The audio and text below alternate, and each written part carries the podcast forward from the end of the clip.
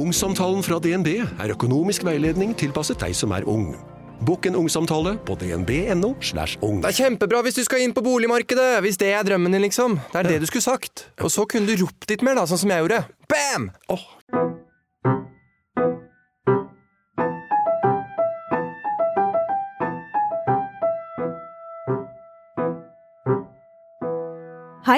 Velkommen til podkasten Frilanslivet. En podkast av min kollega Kristina Skreiberg og meg, Hanna von Bergen.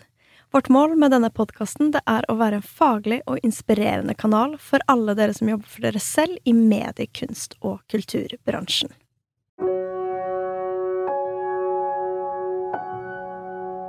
Ukens annonsør er regnskapsprogrammet Fiken.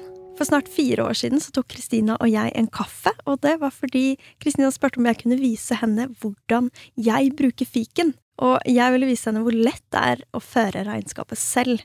Og den kaffen, det var faktisk det som var startskuddet til denne podkasten. Da brakte jeg nemlig ideen opp, og Kristina kicka på den her, og dermed ble frilanslivet født. Fiken er et regnskapsprogram vi begge bruker, som vi helhjertet anbefaler til andre frilansere. For akkurat som oss heier de på at små aktører skal lykkes. Vil du prøve fiken gratis i 30 dager? Gå inn på fiken.no. I dag så skal jeg og Kristina snakke om å få nei etter nei etter nei, men at det likevel gjerne finnes alternative veier til å nå målet, som du kanskje ikke hadde sett for deg. Som frilansere som vil sette i gang mange ting hele tiden, så mottar vi mange avslag. Noen fra klassiske gatekeepers, som en forlagssjef eller gallerist, eller fra andre vi vil ha med inn i prosjektene våre. Vi opplever også ikke få svar på forespørsler og motgang, rett og slett. Men det å ikke gi seg, det er en muskel som må trenes og når den er trent, er det lettere å se seg om etter andre veier til målet, eller fortsette å spørre. For så å se at et nei etter hvert kan forvandles til et ja. Med denne episoden så håper vi at vi kan inspirere dere til å ikke la andre fortelle deg at du ikke kan gå for drømmen din. Vi skal også snakke om hvordan vi takler motgang og usikkerheten, og hvordan vi kan bygge robusthet som frilanser. Hei, Kristina. Hei. Nei. Nei, nei, nei. Da skal vi snakke om motgang, usikkerhet. Nei, nei, nei. og vi sitter jo her, og vi har faktisk akkurat mottatt et avslag fra Kulturrådet på en søknad vi har sendt. Og den søknaden sendte vi jo sånn ah, tre-fire måneder sia. Og den eh, påvirker 2022 eh, for ja, oss. Veldig. Så det, det er sånt er kjipt. Ah, det er hardt. Mm. Ja, og det her opplever vi jo hele tida, som frilansere. Um, hvordan forholder du deg til nei, Kristina? Altså, det er eh, sykt mye nei i mitt liv. Kanskje 50% nei i alle områder av livet. det er mye? Ja, det er også veldig mye ja, men um, det er eh, mye nei fra omgivelsene når jeg vil sette i gang et nytt prosjekt. Eh, og jeg har to barn på seks og åtte. Det er mye nei fra dem. Og så har jeg en mann som jobber i Finansdepartementet. Og der tuller de med at de sier nei før de sier hei. Fordi de forvalter Norges økonomi, og de må forvalte den bra. Eh, så det er mye nei rundt meg. Men jeg tenker egentlig ikke så mye på det. Eh, jeg er blitt veldig vant til at det er mye nei, og at det å frilanse innebærer veldig mye avslag. Eh, så jeg gønner som regel på likevel, på et eller annet vis. Eh, for du får kanskje et nei, men det finnes alltid en vei. Er mitt motto. Nei da. ja. Nei, det Og det er derfor vi har lyst til å snakke om det her. Fordi det Jeg tror det er viktig å være klar over at det er masse, masse nei og avslag, og at det bare er en del av gamet. At uh, man vil møte på mye nei, men det stopper ikke da likevel. Mm. Hva med deg? Ja, jeg også Når vi starta arbeidet med denne episoden, så tenkte jeg sånn «Ah, Jeg får ikke så mye nei. Og så når jeg virkelig begynner å grave i de ulike prosjektene jeg har gjort, og tenke tilbake, så innser jeg jo at det er utrolig mye nei. Men litt som deg, at etter å ha frilansa en del år og lært at man kommer til mål allikevel, at det finnes veier Det finnes mange veier da, til det målet. Og i den planen om å nå målet, så er det allerede lagt inn en slags sånn forventning om mye avslag. Og det tror jeg har bidratt til at eh, jeg ikke helt Jeg prøver ikke å fokusere for mye på de som sier nei, men heller fokusere på de som sier ja. Enig. Sånn at eh, Og det gjelder jo liksom i søknader, det gjelder inntektskilder, eh, ja, folk som skal være med på prosjekter. Eh, altså kjempemasse Jeg jobber jo med store eventer, hvor vi har kanskje 200-300 personer med i et event. Og da kan det jo være like mye nei som vi får ja. Så det å jobbe med avslag er egentlig en sånn helt naturlig del av frilanstilværelsen, da. Og jeg syns at jeg får masse ja også, og masse positiv respons fra omgivelsene. Men det er som regel mange nei eh, før det blir ja. At det er masse nei på veien som ikke syns. Um, og så blir det et eller annet ja. Altså det blir til noe til slutt likevel. Mm. Og det kan jo være utrolig hardt og vanskelig og ganske tungt. Jeg syns jo at det er den her delen med å løft, dra seg selv i nakken som frilanser er en av de tøffeste aspektene. Fordi det er når du kanskje er litt sånn frynsete, om du da i tillegg får masse avslag, så kan det virkelig liksom knekke en, da. Eh, og det kan være vanskelig å bare Nei, nei, jeg løfter meg opp og fortsetter. Og det her kommer vi litt tilbake til, litt den der gropa man kan føle, da, at det er.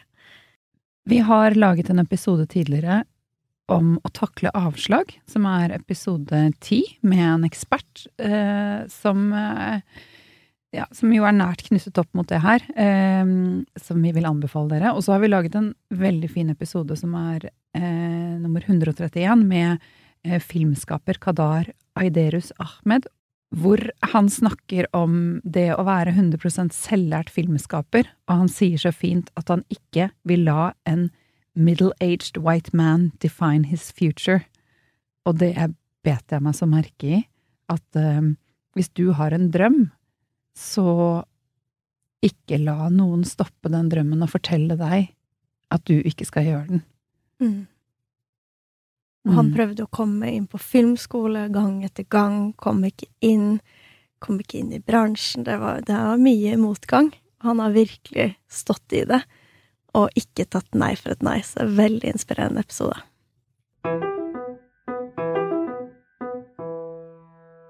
Har du en konkret historie hvor du ikke har gitt deg? Ja, jeg har liksom prøvd å tenke tilbake for en del år siden, når eh, jeg drev på mye med musikk, så hadde jeg og en annen musiker Vi skulle planlegge Tysklandsturné. Og det var liksom nytt for meg. Og vi søkte masse penger, fikk ingenting. Eh, Vi kontakta utrolig mye venues som vi skulle spille på rundt omkring i liksom hele Tyskland. Fikk utrolig mye nei, og bare fikk utrolig mye sånn ikke noe svar tilbake. Eh, Så på en måte så var jo det veldig mye sånn avslag innbakt i liksom hele preppingen av denne turneen. Og litt tøft også, for det var jo Man føler seg ikke så cocky, da. Bare 'Jeg er så flink musiker. Ingen vil ha meg'. Men um, så var jo ikke jeg eller min medmusiker store navn i Tyskland. Um, vi visste litt at det var vanskelig da å få penger til det her også, siden vi ikke var så ekstremt etablerte. Sånn at jeg tror det var liksom bakt inn i den her forventningen om eh, hva begir du deg ut på, og føler du at det her er eh, Forventer du å få et ja, eller forventer du å få et nei? Og vi var veldig hypp på å gjøre det her uavhengig av penger, og uavhengig av måte hvor store steder vi skulle spille. Så da vi tok kontakt med litt sånn smått og stort, en kafé, en eh, konsertvenue, en kunstgruppe, altså virkelig sånn litt alt mulig, og via via prøvde å bruke de kontaktene vi hadde. Og til slutt endte vi opp med eh, tre ukers turné, og virkelig tjente ingen penger på det. Men det kom masse folk. Så det var jo helt fantastisk, og det var utrolig gøy å spille for publikum. Så her tenker jeg jo at selv om vi fikk mye nei, så fikk vi et slags ja fra de som kom, som likte musikken, og som satte pris på at vi var der. Eh, så det handla jo litt om at hva er det verdt for oss å gjøre det her? Og vi ville gjøre det selv om det ikke ga så mye inntekt. Og som et litt sånn eksperiment for å bygge videre på seinere. Og selv om mange sa nei, så fant dere jo noen steder likevel. Mm. Kjørte litt sånn kvantitet. ja, men det, noen ganger så handler det om det at man må bare sende ut nok mail, ringe nok ganger, eh, finne nok steder. Og det funka til slutt. Absolutt. Og når det gjelder eh, et stort eh, julemarked, som jeg holder på med nå, så er det jo også ekstremt mye nei. Det er sikkert 100 nei for 100 ja. Det kan være kulturinnslag, eh, det kan være aktører som skal selge, det kan være venue vi skal være på. Det er generelt veldig mye nei å forholde seg til. Og man kan jo havne i en situasjon litt som vi er i nå, hvor vi er i kontakt med et veldig populært og stort kor som vi har skikkelig lyst på. Og det har tatt ganske lang tid å få et ja eller nei fra de, så vi er liksom på vent. Sånn at alt annet blir på vent. Alt annet av tider og kulturprogram, for det må gå rundt når det her koret kan, da, eh, ha sin konsert. Sånn at da sitter vi veldig på vent, og de har mye makt, for de er veldig populære, så vi har ikke lyst til å si sånn nei, nå har det brukt for lang tid, vi tar noen andre. Eh, så, og det kan jeg ofte kjenne på, at man havner litt i en sånn skvis med tid. Eh, og den der liksom venteleken, og sånn hvor mye tør man å mase? Hvor mye tør man å si sånn Gi sånn deadlines og pushe? Det er en veldig fin balanse. For hvis man blir for mye, så kan det hende at de tenker sånn Det her orker jeg ikke. Men hvis man blir for uh, lugn og sitter på gjerdet, så kan det hende at det tar for lang tid. Og da får vi ikke noe korkonsert. Fordi vi rekker ikke å booke noen andre hvis de sier nei. Mm. Jeg mm. sitter og nikker. Det er liksom en Det er nesten litt sånn forhandling eller taktikk, eller liksom føle seg frem. Sånn hva, hva er riktig for motparten nå, for at det, de skal ville si ja? Mm. Å mase på en hyggelig måte er Jeg har ofte kommet tilbake til det at man kan sende en ny mail sammen sånn 'Å, her sender jeg en ny mail', men det er fordi jeg har så lyst til at dere skal komme, og jeg håper virkelig dere får det til. Um, og liksom forklare litt sånn Trenger virkelig svar, for ellers så blir det så vanskelig for oss å våkne andre hvis dere skal ende opp med ikke kunne Altså at man tar folk med litt på den prosessen man selv sitter i, da. Når sendte du mail sist, da? Altså, nå, det, nå er det faktisk eh, Ida, da, som jeg jobber med, som sitter med kontakten. Og det har vært, det har vært mye SMS-er. Det har det. Ja.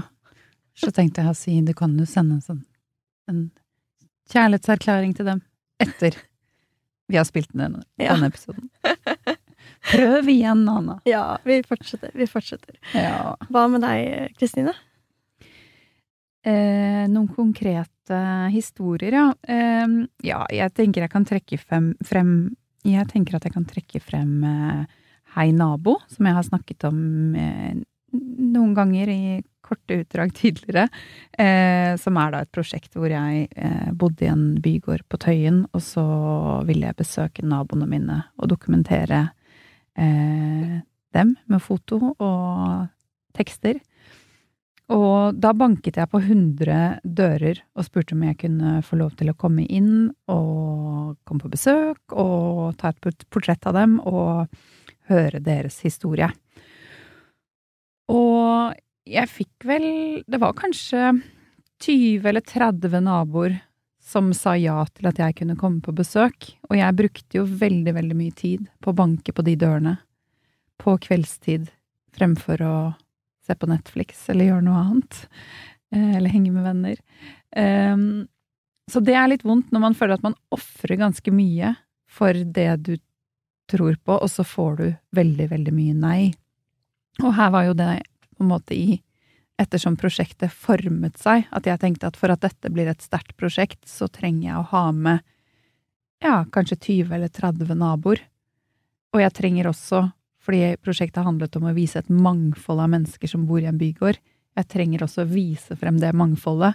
Så det hjelper ikke om 20 eller 30 folk mellom, jeg vet ikke, hvite middelklasse 30, 40, på 30-40-50 år sier ja, jeg trenger å vise mangfoldet. Um, så det Ja, det, jeg, jeg, tvilte veldig på det prosjektet underveis på om nok folk og eh, riktig sammensetning av folk kom til å si ja til at prosjektet kunne bli sterkt, eller liksom stå seg og ha bli det jeg ønsket at det skulle bli. Opplevde du at noen sa nei først, og så endra seg? Ja, det gjorde jeg. At jeg bare måtte forklare det bedre. At jeg måtte pitche meg inn bedre og på en måte vise hvorfor jeg ville det her. Og få de til å forstå egentlig hva det handlet om. Mm. Og kanskje hva det krever av de, for det syns jeg ofte er en sånn brikke i det å få med folk. Å få et nei til et ja, er at de, hvis det blir for sånn uoversiktlig med hva er det man egentlig skal være med på, så er det fort gjort at det blir et nei. Men hvis det er liksom tydelig at dette er prosjektet, dette er det jeg har lyst til å ha med deg på, det krever det her og det her, og det tar så lang tid, eller dette er hvordan det skal skje, da er det lettere å ta stilling til, øh, til det, da, og si ja. Ja, det er veldig smart å formidle hva det innebærer. Mm. En annen ting med det prosjektet er eh, Det innebar, for å få realisert det, å søke mye pengestøtte og eh, en interessant erfaring var eh, Altså, jeg satt inne på Kulturrådet sine nettsider, og så er det jo så mange støtteordninger å velge mellom, og så mye å orientere seg i. Men etter mye eh, eh, kikking og lesing, så landet jeg på to forskjellige støtteordninger som jeg satt og tenkte sånn Passer prosjektet mitt inn i en av disse to, og hvilken skal det være, i så fall? Og så ringte jeg begge saksbehandlere på begge tilskuddsordninger og fikk informasjon om tilskuddet og ja, fortalte om prosjektet mitt og eh, fortalte at jeg lurte på om det faller inn under den ene eller den andre. Og begge to mente at eh, det passet ikke hos den eh, tilskuddsordningen som de selv hadde, men kanskje hos den andre. Så jeg ble liksom kast, kasteball, hvor egentlig ingen hadde eh, så veldig tro på prosjektet, fikk jeg inntrykk av. De syntes ikke det passet hos dem å inn under den støtteordningen. Da, og da tenker jeg det er veldig lett å miste motet og tenke sånn ja, men ok, da passer det ikke inn der. Men da satt jeg og tenkte at jo, men det syns jeg det gjør. Jeg, jeg gutser på denne ene da, som jeg hadde mest tro på.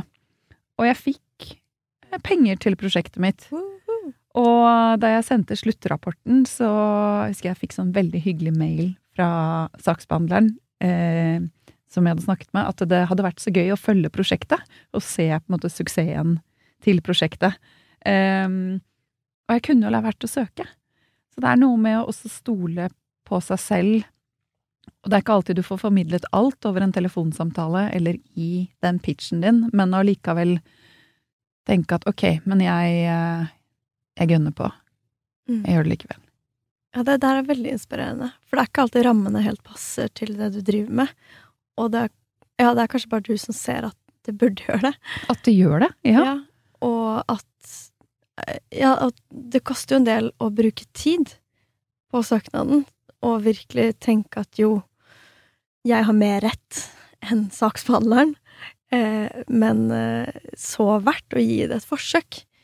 Fordi ehm, etter noen sånne erfaringer, da, med at oi, det gikk allikevel, så tror jeg man får litt mer Altså, det er litt en måte å bygge robusthet, at man ser at oi, det der gikk, kanskje det her også går i den andre um, en annen gang, da, med noe annet. Og så eh, kan man jo føle seg ganske sårbar når man, man, sitter med et prosjekt som man har investert veldig mye tid i, og kanskje mye penger i, og man har en stor drøm om å få realisert det, og så er det noen som forteller deg, ikke nødvendigvis at det ikke er bra, men at det ikke passer hos dem. Men det kan man lett ta som at det er ikke bra. Mm, du, er, du, er, ikke bra. Du er ikke bra. Ideen din er ikke bra. Prosjektet Du har ikke talent. Alt sammen kan man jo sitte og føle. Um, og at man setter den personen, den stemmen, uh, på en måte høyere enn seg selv. Og med de telefonsamtalene så tenker jeg at hvis man heller bruker det til å uh, utforske sånn hva, hva, med prosjektet ditt er det eh, eller prosjektet mitt, er det de ikke catcher? Hva er det de ikke forstår? Hvorfor syns de ikke at det passer? Og så heller jobbe med å formidle det bedre i søknaden sin. For det er, det er mye læring der, da. Det har jeg opplevd flere ganger når jeg har tatt disse telefonene. Mm. At jeg har nøstet opp i misforståelser, og hvor jeg ikke er tydelig nok i kommunikasjonen min. Ja, det er veldig bra. Og også ringe og høre sånn, passer det her inn eller ikke, kanskje mer enn er det bra nok eller ikke? For det er veldig fort gjort å tenke at det er det man snakker om. Men ofte så snakker man bare inn er det her retningslinjene, er de kompatible med eh, ditt prosjekt da, og innholdet.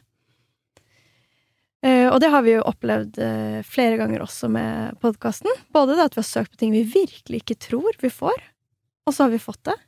Vi har tenkt at vi passer ikke inn, eller det her er litt sånn long shot. Um, og så har vi også opplevd det motsatte. Og en vi virkelig hadde troen på, var uh, en søknad til Stiftelsen DAM. Og det her starta allerede i 2019. Søkte, fikk avslag. Prøvde oss igjen, 2020. Eh, søkte, fikk avslag. Og vi søkte igjen og fikk avslag. Og så for hver gang har vi jo virkelig sånn Ok, hva var det som ikke funka? Vi forbedrer det. Vi spisser det, vi gjør det tydeligere. Vi snakker med ulike folk. Vi hadde til og med en superflink rådgiver. Jeg tror vi har jobbet noen måneder til sammen Altså, med har- den søknaden. Vi har brukt så ekstremt mye tid på det søknaden, og vi har faktisk søkt til Stiftelsen Dam fem ganger totalt.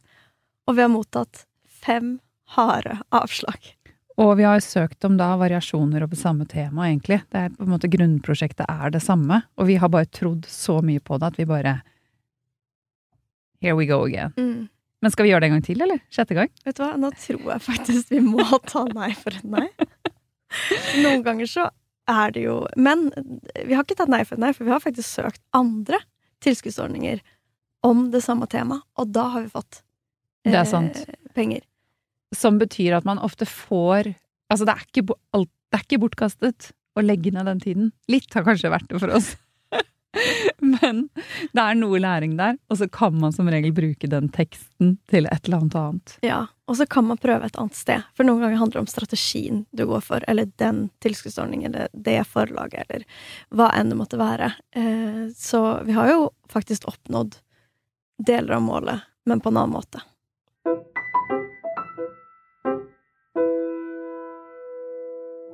Noen ganger så kan jo et nei bli et ja, og det har vi opplevd ganske mange ganger i ulike typer prosjekter, og ganske klassisk er jo typen når vi inviterer en gjest til podkasten, så kan vi jo få, at, uh, få et nei.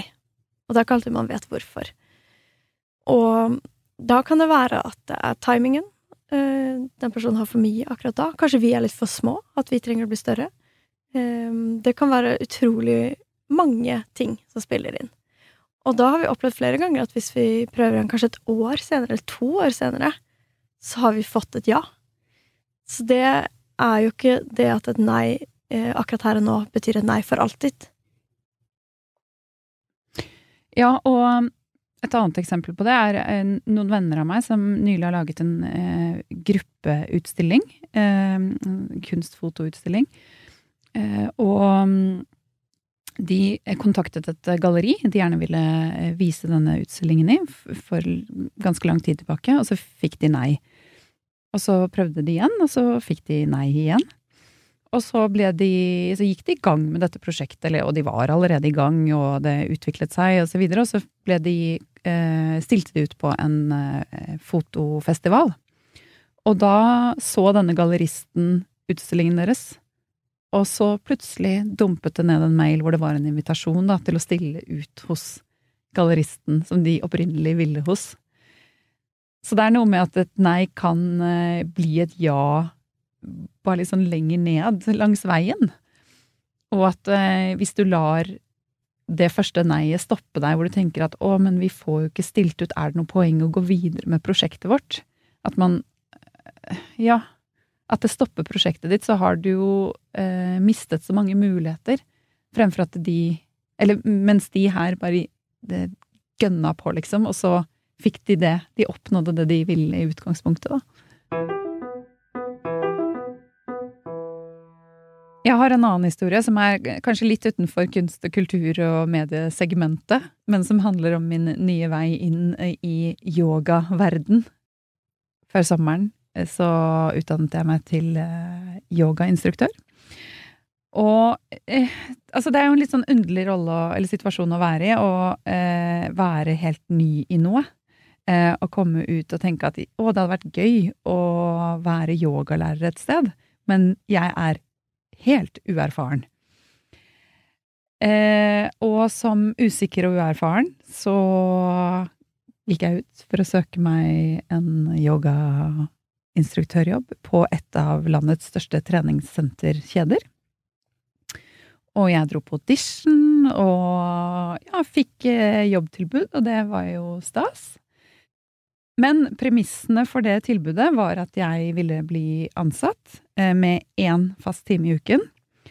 Kanskje jeg ville få noen flere etter hvert. Eh, og hvor jeg skulle få dette er det, 262 kroner per yogatime jeg underviste. Mm. Det var en sånn startlønn. Jeg er jo helt fersk, så det Ja. Men da var det ikke noe betalt for eh, forarbeidet. Eller det var bare når du kom og gikk. Så det var én time i uka. 262 to kroner, kroner. i Ja, uka. stemmer. Heller ikke Altså, du bør jo komme ja, et kvarter før. Må bli igjen kanskje et kvarter etterpå, ordne rommet, rydde litt etter deg, snakke med deltakerne. Det er det ikke betalt for. Det er betalt for timen du underviser. Um, og så ville jeg ikke kunne undervise for noen andre, altså andre konkurrerende virksomheter. Og så ville medlemskapet, dette er et sted hvor jeg har vært medlem i veldig mange år, hvor jeg trives veldig godt. Og grunnen til at jeg søkte jobb akkurat der, er fordi jeg syns det er veldig mange andre dyktige yogainstruktører der. Så jeg tenkte at det her er et sted jeg veldig gjerne vil undervise. Og jeg følte meg hjemme der og har tilhørighet og så videre. Eh, Men det medlemskapet mitt ville bli eh, avsluttet, og hvis jeg Og så ville jeg kunne trene gratis, da, så det var en perk. Men hvis jeg ville bli medlem igjen, så måtte jeg melde meg inn på nytt. Og nå ble dette en litt lang historie, men jeg eh, eh, Dette sier litt om meg, for jeg har vært medlem der i mange, mange år. Og like før jeg fikk dette tilbudet, så hadde jeg fått inn sånn Du er nå blitt sånn eh, Woho! Du, du får masse fordeler fordi du har vært medlem hos oss lenge. Så du får liksom prosenter på det ene og det andre, og du får ja, ha med en venn iblant, og litt sånn Sånn som man gir for å holde på folks lojalitet. Og det funker som bare det på meg. Jeg elsker lojalitetsprogrammer. Jeg har trumfkort og Coop-kort, og jeg har eh, eurobonuspoengkort, eh, og jeg har det ene og det andre. Så jeg ble skikkelig glad jeg, da jeg fikk det her. Og da jeg fikk vite at jeg eh, skulle avslutte det medlemskapet når jeg nettopp hadde fått det, så kjente jeg sånn Jeg vil ikke avslutte det medlemskapet, fordi hvis jeg ikke skal undervise på dette stedet lenger, så vil jeg veldig gjerne komme tilbake til det. I tillegg så, så hadde jeg en veldig, veldig god pris på det medlemskapet, som betød at jeg hadde råd til å ha det um, sammen med alt det andre jeg gjør for å trene. Eh, så det ble en viktig ting for meg å beholde, som jeg kjente at hvis jeg skal få kun 262 kroner, så kanskje jeg kan foreslå at vi kan pause dette medlemskapet mens jeg underviser. Sånn at jeg har det å komme tilbake til når jeg kanskje ikke skal undervise lenger. Så det foreslo jeg. Og så må jeg bare skyte inn at jeg syns at det er veldig Høres veldig rimelig ut. Fordi det er jo en test for både Takk, Anna. Nei, men det er jo i ny, da, i et prosjekt eller jobb, så er det en test for både arbeidstaker og arbeidsgiver. Og det er hele grunnen til at man ofte har sånn tre måneders eh, Seks måneders prøvetid var det. ja, prøvetid. For at man skal se om det her funker for begge parter. Så da er det jo veldig på en måte rimelig å ville ville ha det her fortsatt, da, i etterkant, hvis det ikke skulle funke. Ja, jeg følte jo det, men det er jo øh, kanskje andre, eller tydeligvis andre, som, som syns at det her var rart. Hva Fordi skjedde? Ja. For dette her er en, ja, en historie om starten på Kristinas yogalærerliv. Nei, jeg, så jeg sendte en e-post, takket for tilbudet og skrev at er det mulig å fryse medlemskapet mitt? Som jeg setter veldig stor pris på å ha. Og så fikk jeg svar at nei, det gikk ikke. Og så skrev jeg tilbake at uh, jeg ikke helt forsto det, og at uh, jeg håpet de så det som et kjempekompliment. At jeg uh, ville så gjerne være medlem, og hvis jeg ikke skulle undervise så lenger, så ville jeg fortsette å være medlem. At jeg er enten det ene eller det andre. Og at det viser jo bare lojalitet, på en måte. Og så foreslo jeg det, i det minste at vi kunne gjøre det i prøveperioden, som jeg hadde blitt informert om at jeg tross alt hadde seks måneders prøvetid. Og det endte med at jeg snakket med han som da skulle bli min sjef, som skulle ansette meg, som Dette er jo min versjon av den historien, men hvor han tvilte på min eh, liksom dedikasjon, da. Eh, og at han fikk, i hvert fall sånn jeg oppfattet det, et dårlig inntrykk av meg, og at eh, et inntrykk av at jeg allerede tenkte på eh, livet etter å være instruktør hos dem. Livet etter den ene timen i uka. Ja, og at jeg ikke var dedikert nok til oppgaven, og det ble brukt ord som sånn familie og eksempler som vi har hatt folk som har undervist her i, jeg vet ikke, et kvart liv, og liksom At det var litt det de ønsket, da. Og da klarte ikke jeg å la være å si at når dere tilbyr 262 kroner i timen til eh, nyutdannede yogainstruktører, så er det kanskje ikke eh, en jobbmulighet som jeg ser på som et livsprosjekt. Da er det kanskje noe jeg gjør i en fase av mitt liv. Og når den fasen er over, så har jeg jo kanskje fortsatt lyst til å være medlem. Og akkurat nå er det medlem jeg er, det er det jeg kjenner til. Og dette her, jeg trer jo inn i noe nytt. Så det å få på plass en avtale som er fint for meg både når jeg er i avtalen og etter avtalen er over, er jo i min interesse. Og da måtte vedkommende tenke over om jeg eh, var noe for dem. Og, siden har jeg ikke hørt noe. Åh! Altså, altså det, det, her provoserer meg så ekstremt, fordi Det er så mye ved dette som provoserer. Fordi eh, Og jeg er glad du sier det, fordi det er jo Jeg merker jeg blir eh, for adrenalin i kroppen av å snakke om det her. Fordi bare det å betale instruktører så eh, ekstremt lite og det er mulig å klatre oppover lønnsstigen. Jeg tror man kan nå opp til kanskje 300-400-500 kroner, kanskje ja. mer. Det, det vet ikke jeg. Det kanskje vært greit hvis du kunne vært, hatt flere timer andre steder, men det her med at du starter med én time i uka og ikke kan være noe annet sted, det gjør jo at det er utrolig dårlig deal. Og jeg kunne sikkert fått flere timer innenfor samme kjede, men problemet er jo at når man får 262 kroner for sånne én eh, time her og én time der, så ja, dette tenker jeg er sosial dumping av eh, yogainstruktører, og at det innebærer at folk gjør dette som en hobby, og at det egentlig ikke er noe de kan leve av. Men med mindre du har åtte timer i strekk hver dag, så er den eh, timelønnen helt fair. Men det har du ikke. Mm. Og grunnen til at vi tar med det her som eksempel um, inn i liksom kulturpodkast, er jo fordi det her er liksom maktmisbruk. Mener vi. Uh, mener vi. Uh, og at jeg tror veldig mange har følt på uh, at man, man kan ikke stille så mye krav, alltid, når man kommer inn som frilanser. Eller at man må bevise seg gang på gang. Uh, og at den her liksom skjevheten med makt, da, uh, den blir ganske tydelig, fordi man blir veldig avhengig av en gatekeeper som man trenger å si ja, da, for å komme seg inn et sted, eller inn i en bransje, eller for å synes, for å komme seg frem. Ja, og denne kjeden eh, ansetter jo da en drøss med nyutdannede eh, og, og langutdannede, holdt jeg på å si, erfarne yogainstruktører. Eh, så det blir jo eh, en viktig plattform, eller en, vikt, vikt, en viktig arena for å eh, kunne få seg jobb, eller prøve seg, få erfaring, eh, og få jobbe som instruktør. Så og jeg reagerer også på at fordi jeg stiller eh, spørsmål rundt den praktiske biten av jobben, så eh, trekkes Eller så hører jeg ikke noe mer som innebærer at egentlig tilbudet trekkes tilbake. Og er det egentlig lov å trekke tilbake et jobbtilbud? For det er ikke faglig begrunnet. Det har ingenting med Men, men det ble begrunnet med eh, tvil om min motivasjon, og at det bare Ja. Men eh, det er, eh, dette er jo min oppfatning av denne telefonsamtalen. Eh, men jeg fikk i hvert fall en ekstremt eh, dårlig følelse av det her, og kjente at dette er Dette kan ikke jeg gå inn i, og det fikk meg også til å føle meg så liten. Og det Det tenker jeg også er liksom varsellamper. At noen fø, føler at Får deg til å føle at liksom dette Her burde jeg bare være veldig glad, og takknemlig, ikke stille noen spørsmål, og eh, det, dette er sånn det er. Mm. Mm. Ja, det er ikke noen god følelse.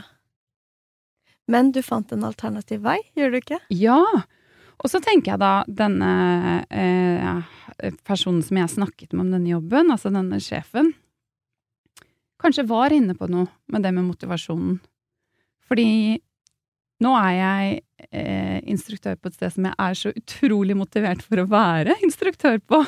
Og jeg tenker sånn Å, så fint at det endte sånn her. Fordi det her Dette er jo rett for meg. Så kanskje han var inne på noe, for all del. At det liksom Who knows. Ja. Så jeg takker, jeg takker, takker dere i dag. Men det er litt som når jeg søkte om å bli bartender, så sa sjefen min den gang at hva annet bryr du deg om? Hva er det du brenner for? Fordi det å være bartender her, det er ofte ganske kortvarig, kanskje et år eller to. Eh, det er fantastisk hvis du har andre ting i livet ditt som opptar deg. Eh, så han gikk veldig tydelig inn i hele den der å være arbeidsgiver med å skjønne at det her er unge mennesker som eh, kanskje er her i en fase i livet hvor det er fantastisk, men det er ikke nødvendigvis, livsprosjektet. Så det er litt mer den der forventningsavklaringen som jeg også kan bli sånn provosert over, da, i det her eksempelet du har. Ja, og jeg fikk jo en følelse av at eh, vedkommende ble støtt, fordi dette ikke var et livsprosjekt for meg. Og jeg klarte ikke å la være å være ærlig om at det ikke nødvendigvis var det. Og det er veldig få ting som er et livsprosjekt for meg. Jeg, altså, to-tre år er et langt perspektiv, og det var det jeg sa at eh, kanskje dette er noe jeg gjør i to-tre år, men allikevel kunne, fryse medlemskapet midt i seks måneder i prøvetiden hvor jeg Det er jeg som egentlig sitter uten rettigheter. Eh, eller, uten, eller på en måte makten ligger ikke hos meg. Mm. Eh, og det er jo en, egentlig en filleting, men når det leder til en såpass stor clinch og en såpass dårlig magefølelse, så er det ikke lenger en filleting. Men så, bare noen uker etter, så dro jeg på et foredrag om presentasjonsteknikk, som er kjempeinteressant. Jeg tenker det kan være et godt tema for en episode. Mm. På Factory Tøyen, et eh, ganske nokså nyetablert eh, eh, kontorfellesskapssted og mm, ja, masse små bedrifter som har kontorer der, på Tøyen. Og så ble jeg vist rundt, og så ble jeg vist et nydelig rom på loftet, hvor de sa dette er eh, liksom et rom vi håper å kunne tilby yoga i, og ja. Så jeg bare ja, har dere noe yoga nå? Nei, vi har ikke det på plass helt ennå. Tenkte jeg sånn hello! og da sendte jeg dem en mail et par uker etterpå og foreslo at jeg kanskje kunne ha yogaen der, og så kan det være noe medlemmene deres kan komme på, og så kan jo andre også komme til, hvis, hvis det hadde vært greit. Og vi, ja, liksom har kommet på, eller kommet frem til et samarbeid som er helt ypperlig for begge parter, og jeg har folk som driver for seg selv, og frilansere, og ja, som deltar på timene, og eh, jeg får prege det selv, og blir jo litt som å starte min egen praksis, hvor jeg etablerer en egen eh, på en måte, eh, deltakermasse, eller ja. Og, og det er jo vi som frilansere veldig vant til, så det bare appellerte veldig til meg å få lov til å gjøre det på den måten. Mm. Så jeg er så glad for det. Deilig. Ja. Ja, lykkelig slutt. Og så er jeg blitt spurt andre steder også nå. Så det er jo bare så digg. Gratulerer. Hadde jeg vært på den treningskjeden, så hadde jeg måttet si nei til alt sammen. For det hadde ikke vært lov. Åh, Så det, jeg tenker at eh, der og da, i kanskje uken etter denne samtalen eh, hvor vi klinsja, hvor jeg følte at vi gjorde det i hvert fall, så tenkte jeg hva gjør jeg nå? Hvor, hvor, skal jeg henvende meg? Og nei, så kjipt, og dette var jo en mulighet, og jeg hadde skikkelig lyst til dette. Og um, begynner å fortelle meg selv ting om at herregud, det utdannes så eh, Altså sikkert noen tusen yogainstruktører i, i Norge i året. Eh, hvorfor skal jeg få meg en jobb. Og liksom Det kommer egentlig ikke til å skje. Um, og det er så lett å begynne å snakke sånn til seg selv når man føler seg liten, eller er rundt noen som man føler seg liten rundt. Jeg tenker at det her er et veldig godt eksempel, fordi det er en sånn klassisk gatekeeper, og så er man så hypp på den sjansen som man blir tilbudt, men så har man ikke noe mulighet til å stille noe krav. Eh, og du har ikke noe mulighet til å diskutere lønn, eller på en måte ja, stille noe krav, da. Og det er eh, Og det er en veldig tydelig maktubalanse. Ja. Men hva gjør du når Eller hva gjorde du når du følte deg liten og og at det var motgang og mye avslag. Hva, hva kan hjelpe til med å bygge bygge deg opp i en slik situasjon? Da trengte det bare at, at det gikk litt tid, egentlig. At jeg fikk den situasjonen litt på avstand. At jeg fikk litt distanse til det, og at det da ble på en måte mindre eh, Eller at jeg kunne se det med et mer sånn nøytralt blikk, og tenke at å, men det her er ikke rett for meg. Det, det her er ikke noe jeg ønsker meg. Den følelsen, å ha den følelsen i eh, kroppen, eller ha den relasjonen til noen som ansetter meg. Um, og at, man, at, jeg bare prøver å på en måte finne troen på at eh, noe annet vil skje. Um, men det er jo, og, og, og, som jeg sa, at man begynner å sånn Hvorfor skal jeg finne en jobb, og det er så mange som gjør det samme som meg? Eh, det var en samtale med en som sa, men jeg går jo ikke på timen din fordi du kan si strekk beinet ut der, og så len deg frem og len deg tilbake igjen, som, som alle andre kan si. Det er jo fordi det er din time, og fordi du har den personligheten du har, og fordi du har den livserfaringen du har. Så jeg tror man må måtte huske på sånn Hvem er eh, jeg? Eh, at man ikke Fordi det er å sammenligne seg selv, så sammenligner man jo ut fra helt feil premisser. Eh, og bare sånn eh, Ja, man kommer bare ingen vei med det. Eh,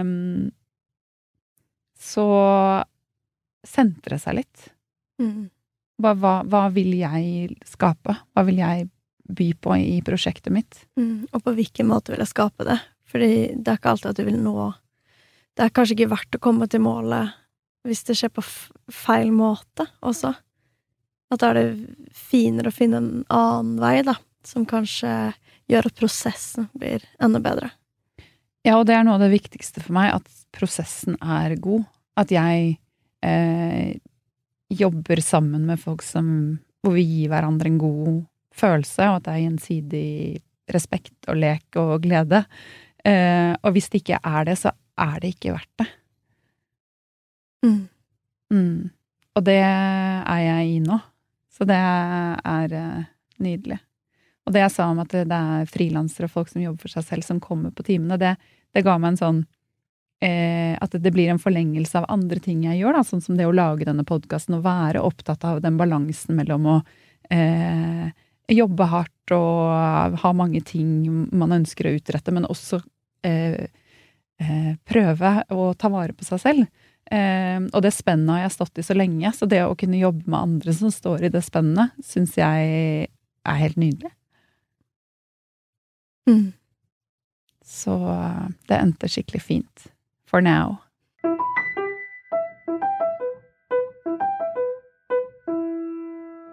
Og det her med avslag og få mye nei kan jo være utrolig tøft og hardt.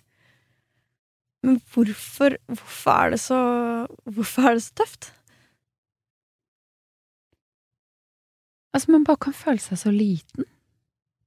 Og at man eh, Noe som er så viktig for deg, en drøm eller noe du virkelig har lyst til å utrette, det er det som står på spill.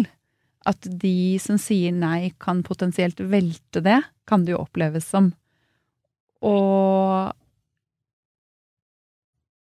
Ja, hvor du både på en måte tviler på om du får til det du drømmer om, og om du Man blander det jo ofte med seg selv, da. Eller at eh, man selv føler seg liten og sårbar og udugelig. Mm, det kan gå veldig hardt utover selvfølelsen.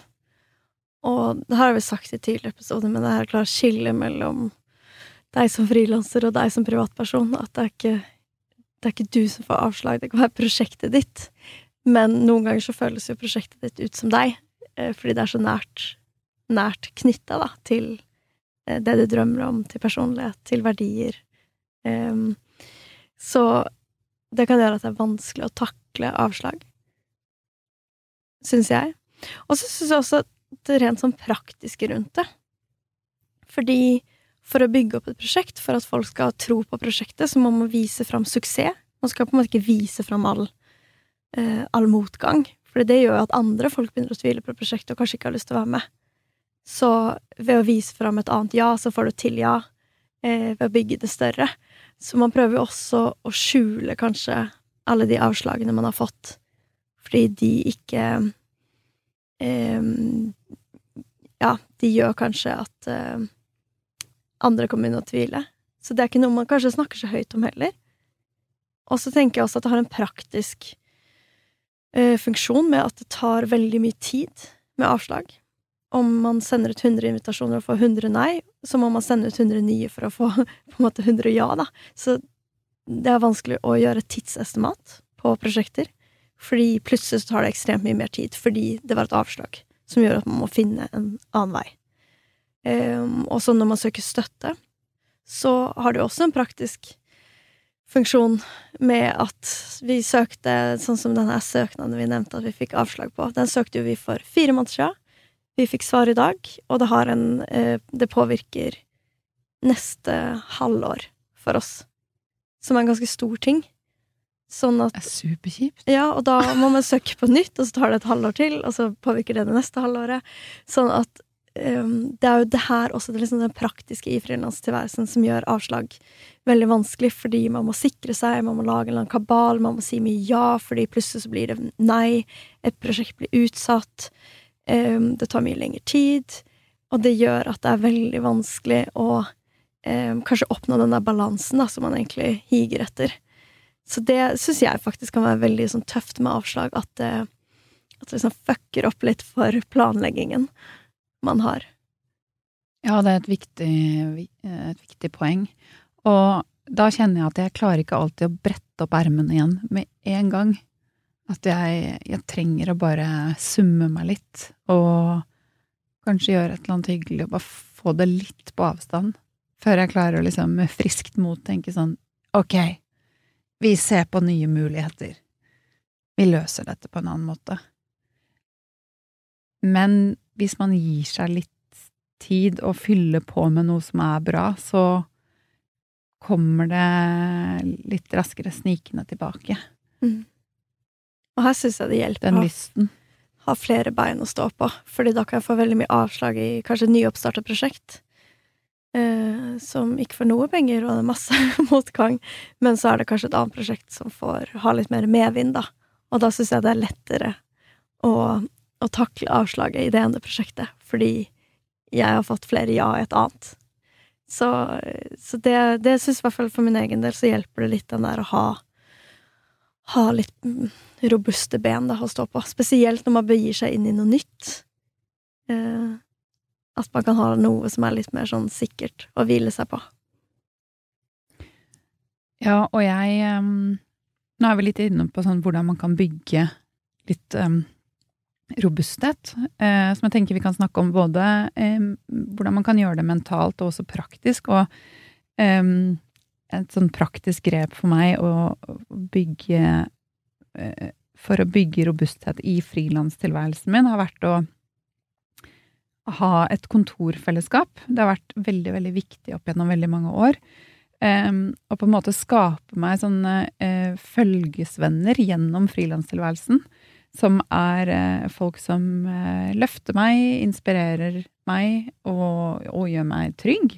Um, som på en måte hvor det har vært et ganske sånn tett miljø over flere år, hvor vi følger hverandre både i jobbprosjekter og vet hva som skjer i hverandres privatliv. Og um, For meg å føle at jeg er, eller har vært en del av noe, og at jeg har folk rundt meg, har gitt meg en sånn em, Det har vært et praktisk grep jeg har tatt for å få en mental styrke og ro og trygghetsfølelse i denne eh, ja eh, uforutsigbare frilanstilværelsen. Og da er det lettere når man har noe sånt rundt seg. Enten Altså, det kan man jo finne i mange forskjellige former.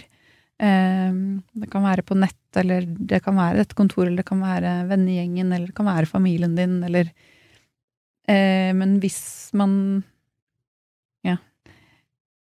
Og har man det da, så vet man på en måte at det der avslaget, det kanskje er ikke verdens undergang. Jeg har på en måte gjengen min her, jeg. En trygg base. Ja.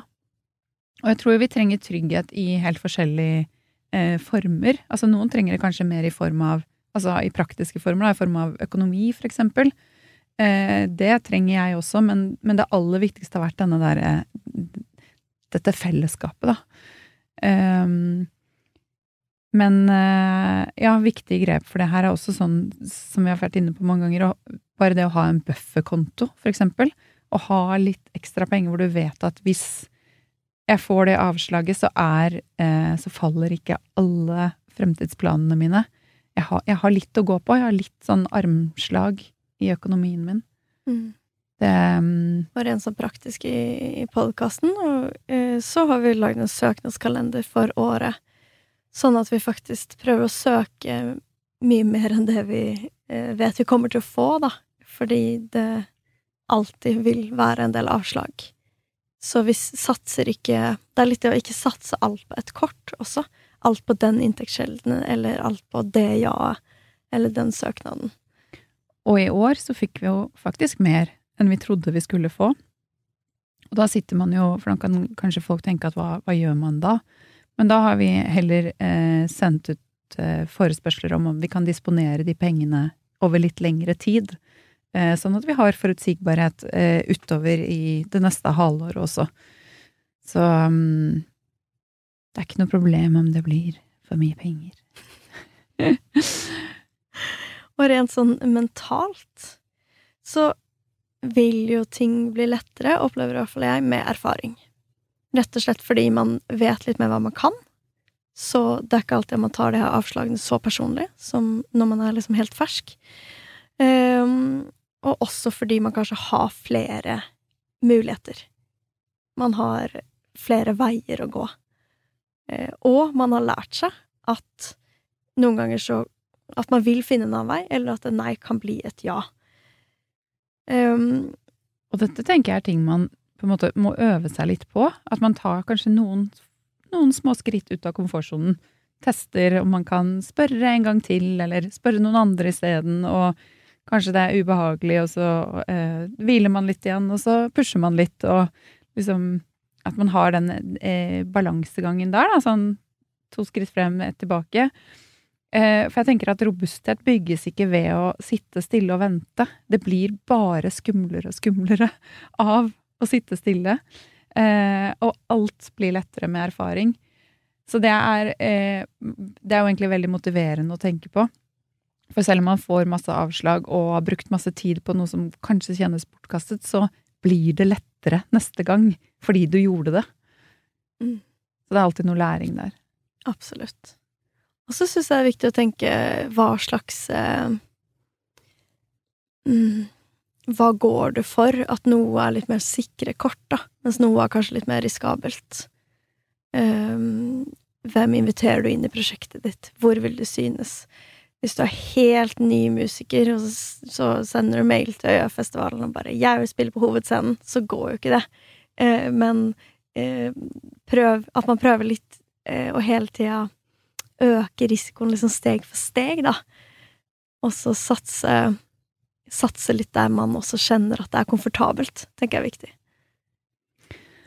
Ja.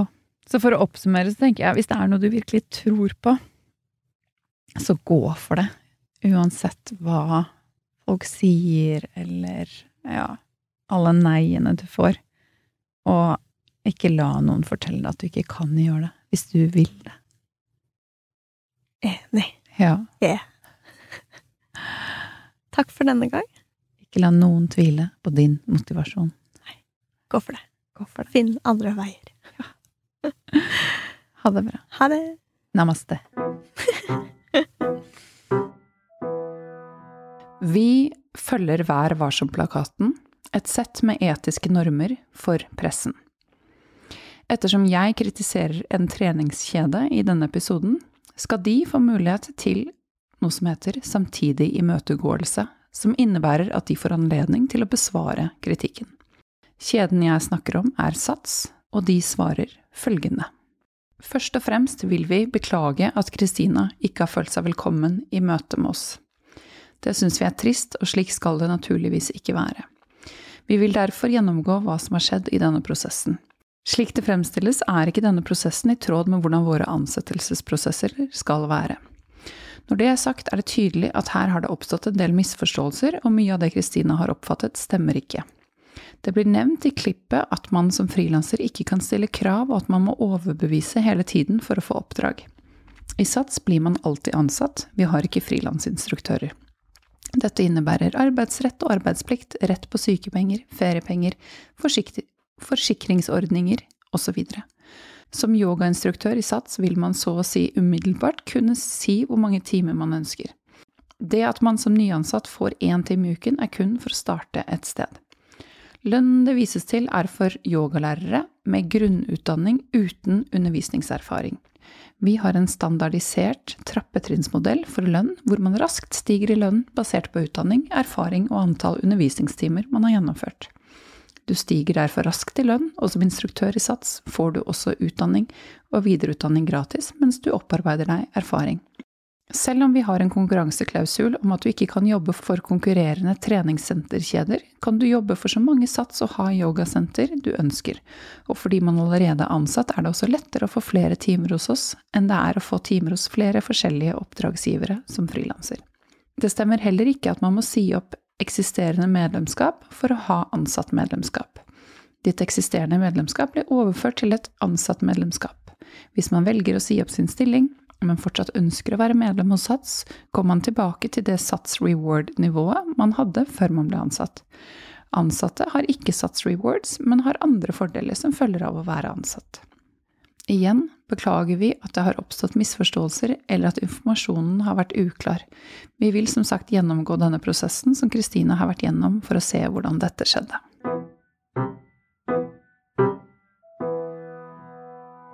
Det er en deilig følelse når noen tenker på deg. Men det er ganske deilig når noen tenker for deg også. Når du velger Kolonihagen, kan du være trygg på at noen har tenkt for deg. Dyrevelferd og ansvar er hensyntatt, og du kan bare nyte den gode smaken. Derfor har vi i Rema 1000 et stort utvalg av økologiske kvalitetsprodukter fra Kolonihagen til en lav pris. Rema 1000. Det er sluttsummen på valgene vi tar, som teller.